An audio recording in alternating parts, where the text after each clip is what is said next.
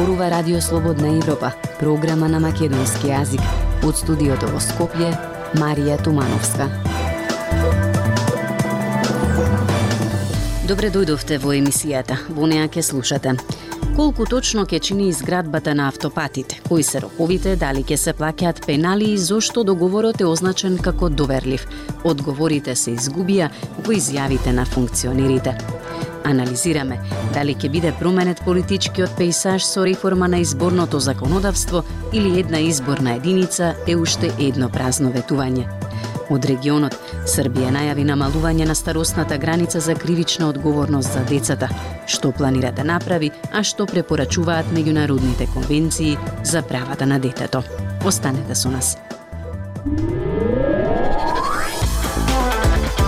Независни вести и анализи за иднината на Македонија на Радио Слободна Европа и слободнаевропа.мк.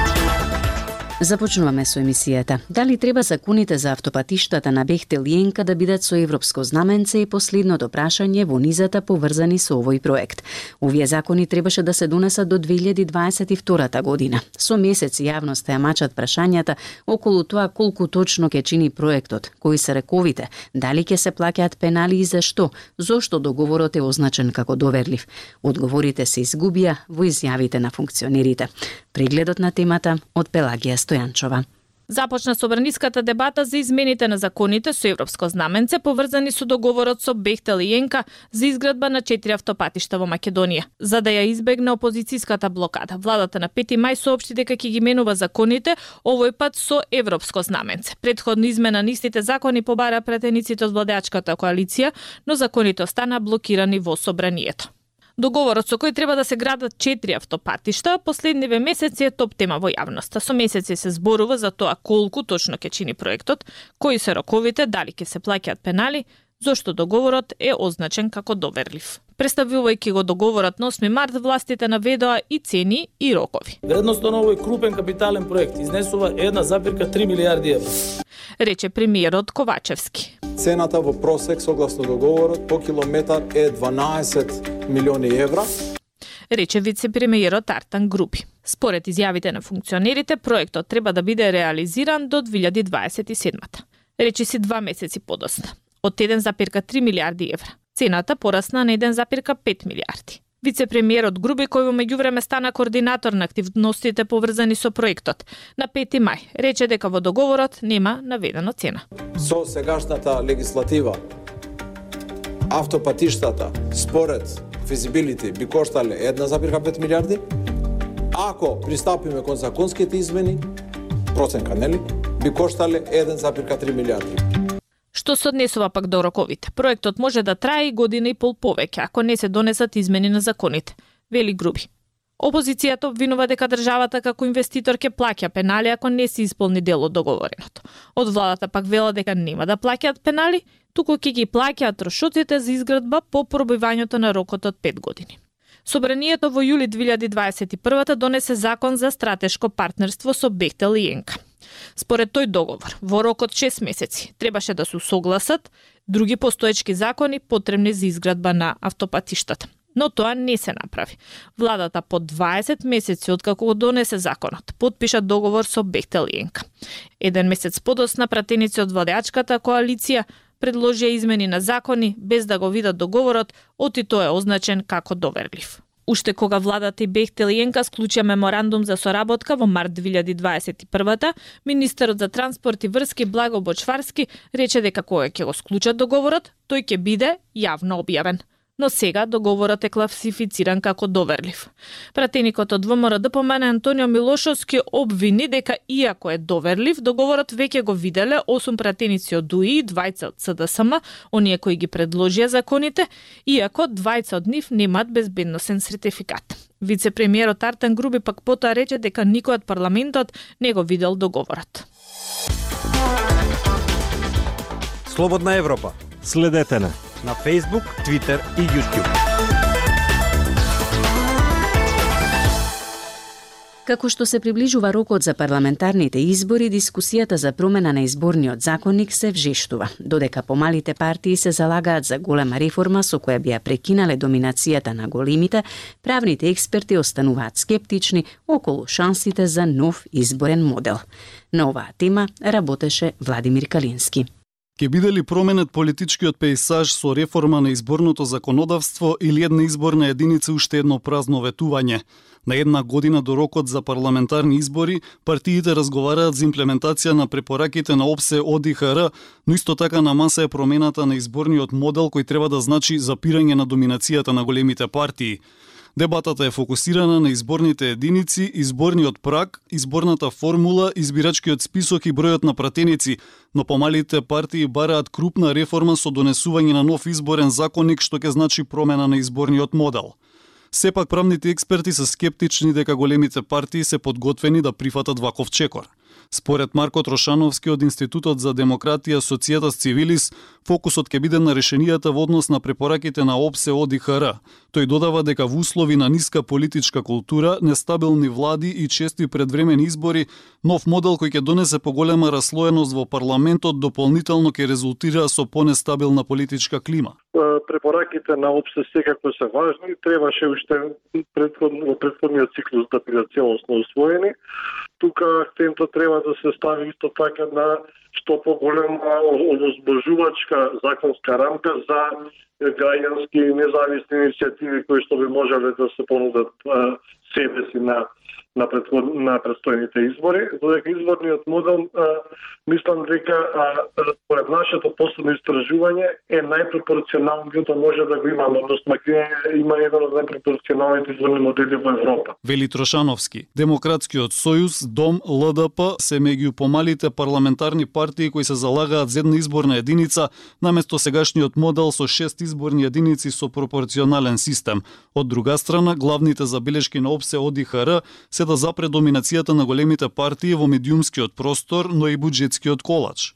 Во однос на промената на изборниот модел, коалицијскиот партнер на СДСМ во владата, ДУИ, на 8 мај соопшти дека прифаќаат една изборна единица со 5% прак и со отворени листи, што за малите партии е неприфатливо. Пратеникот на Демократската унија за интеграција Арбе Радеми рече дека прагот од 5% го предлагаат за да се обезбеди политичка стабилност во државата. Моника Зекова од ЛДП одговори дека овој предлог е погубен за малите партии. Тие бараат воопшто да нема изборен прак. И политичкиот аналитичар Сефер Селими смета дека нема волја за компромис кај големите партии за промена на изборниот модел, но според него воведување на една изборна единица нема да биде соодветно решение. Овој изборен модел им дава можност на поголемиве партии да бидат удобни во и во коалициите кои а, ги преговарат, но и а, во добивањето на гласовите. Вели Селими. Дайте ни 15 минути и ние ќе ви го дадеме светот. Слободна Европа.мк Поради масовното убиство што го изврши 13 годишник во Србија, властите предлагаат измени на законот со кои ќе се намали старосната граница за кривична одговорност на малолетниците.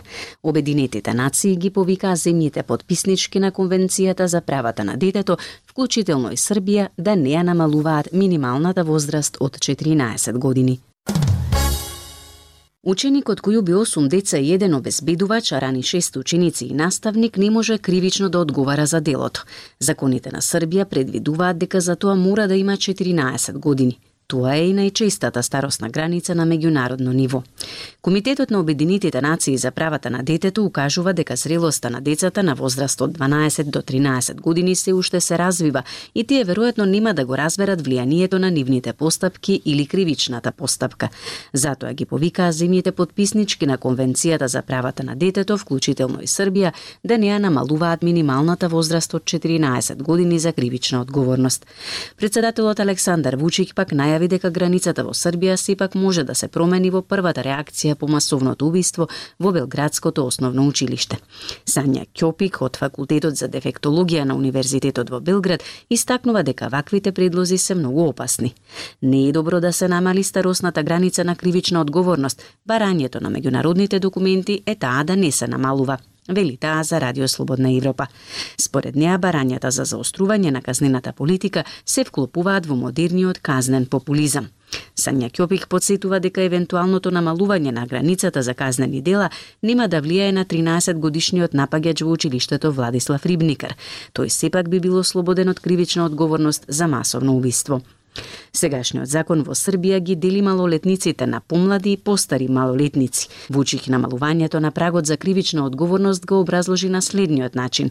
Поради тоа што во денешно време зрелоста доаѓа порано, а и физичката сила, можно е децата да вршат криминални действија, мој предлог е да се намали лимитот за кривична одговорност од 14 на 12 години, рече Вучич на 3 мај. Да Ден подоцна, владата на Србија ги усвои неговите предлози. Кјопик смета дека развојот на малолетниците денес не се разликува во споредба со предходните времиња. Децата денес знаат некои работи што предходно не ги знаеле, бидејќи живеат во ера на современи технологии, но степенот на психофизички развој не е значително различен. Ништо не би добиле со намалување на старосната граница за кривична одговорност, вели таа. За да се измени законот, тој треба да помине ни сложена процедура. Предлог измените се подготвуваат во ресорното министерство, а потоа тој треба да помине и на јавна расправа. Дискусијата е задолжителна кога станува збор за закони кои значително го менуваат регулирањето на некое прашање. Владата ги испраќа предложените измени на законот до собранието за гласање. Земјите од Западен Балкан имаат иста старосна граница за кривичната одговорност на децата, како и во Србија, односно 14 години, е границата и во Босна и Херцеговина, Северна Македонија, Црна Гора и Косово. Радио Слободна Европа, светот на Македонија. Додека некои земји ги одржуваат своите засолништа за итна употреба, други ги трансформираа во музеи. Во Северна Македонија има 100 јавни засолништа, но дали и колку се подготвени за евакуација на населението и за одговор во случај на вонредна ситуација. Едно од засолништата посети Ивана Стојкова. Зад пазарчето во населбата аеродром се наоѓа едно 20-тината јавни засолништа во Скопје. Рече си 2 метри подземја засолништето има капацитет да засолни 200 луѓе во случај на вонредна состојба. Опремено е со системи за вентилација и ротори за производство на електрична енергија, како и алати за самоспасување е едно од функционалните засолништа во земјава. Изградено е во 80-тите години од бившата југословенска армија, последен пат е реновирано пред десетина години. Скривницата има неколку соби со бетонски прегради, располага со тоалети, систем за вентилација и врати за принуден излез. На територијата на целата земја пак има околу 100 јавни засолништа, но само 5 се целосно реновирани. Скопските засолништа се наоѓаат во општините Газибаба, Карпош, Киселавода, Центар и Чаир. Со одлука на владата во 2005 делот засолништата кои припаѓале на Министерството за одбрана се доделени на Дирекцијата за заштита и спасување на трајно користење. Делот засолништата како ова во аеродром се функционални, но дел се оставени на забот на времето. Половина засолништата се во одлична функционална состојба и истите се одржуваат правилно, навремено и служат за она што е наменето. Останатите тоа се тунелски засолништа, така наречени тунелски засолништа, кои уште во времето на градење се направени само за еднократно засолнување и без некои поголеми мерки на засолнување. Моментално сме во засолништето во Наслав аеродром, изградено 80-тите години од страна на бившата југославенска армија. Големината на засолништето е околу 400 квадрати и е за 200 граѓани. Засолништата се урбанистичко-технички мерки за заштита на населението кои не само што се дел од деталните урбанистички планови, туку за нив порано се плаќала јавна давачка. До пред неколку години секоја зграда мораше да располага со засолниште, но од 2012 тие законски уредби се укинати и во новите згради кои што се градат нема засолништа. Повеќето засолништа се во собственост на граѓаните, односно на куќните совети.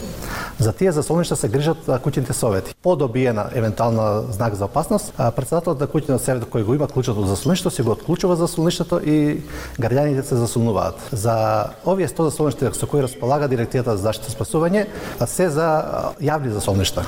Значи сега инвеститорите кои градат нови згради немаат обврска да плаќаат за засолништа, нити обврска да прават нови засолништа. Војната во Украина ги отвори прашањата во каква состојба и дали колку државите се подготвени за вакви ситуации. Сепак европските држави како на пример Германија веднаш по руската инвазија почнаа да ги зајакнуваат своите јавни застолништа, а германската влада соопшти дека работи на нови концепти подобрување на подземните паркинзи, метростаниците и подрумите со цел да станат потенцијални застолништа.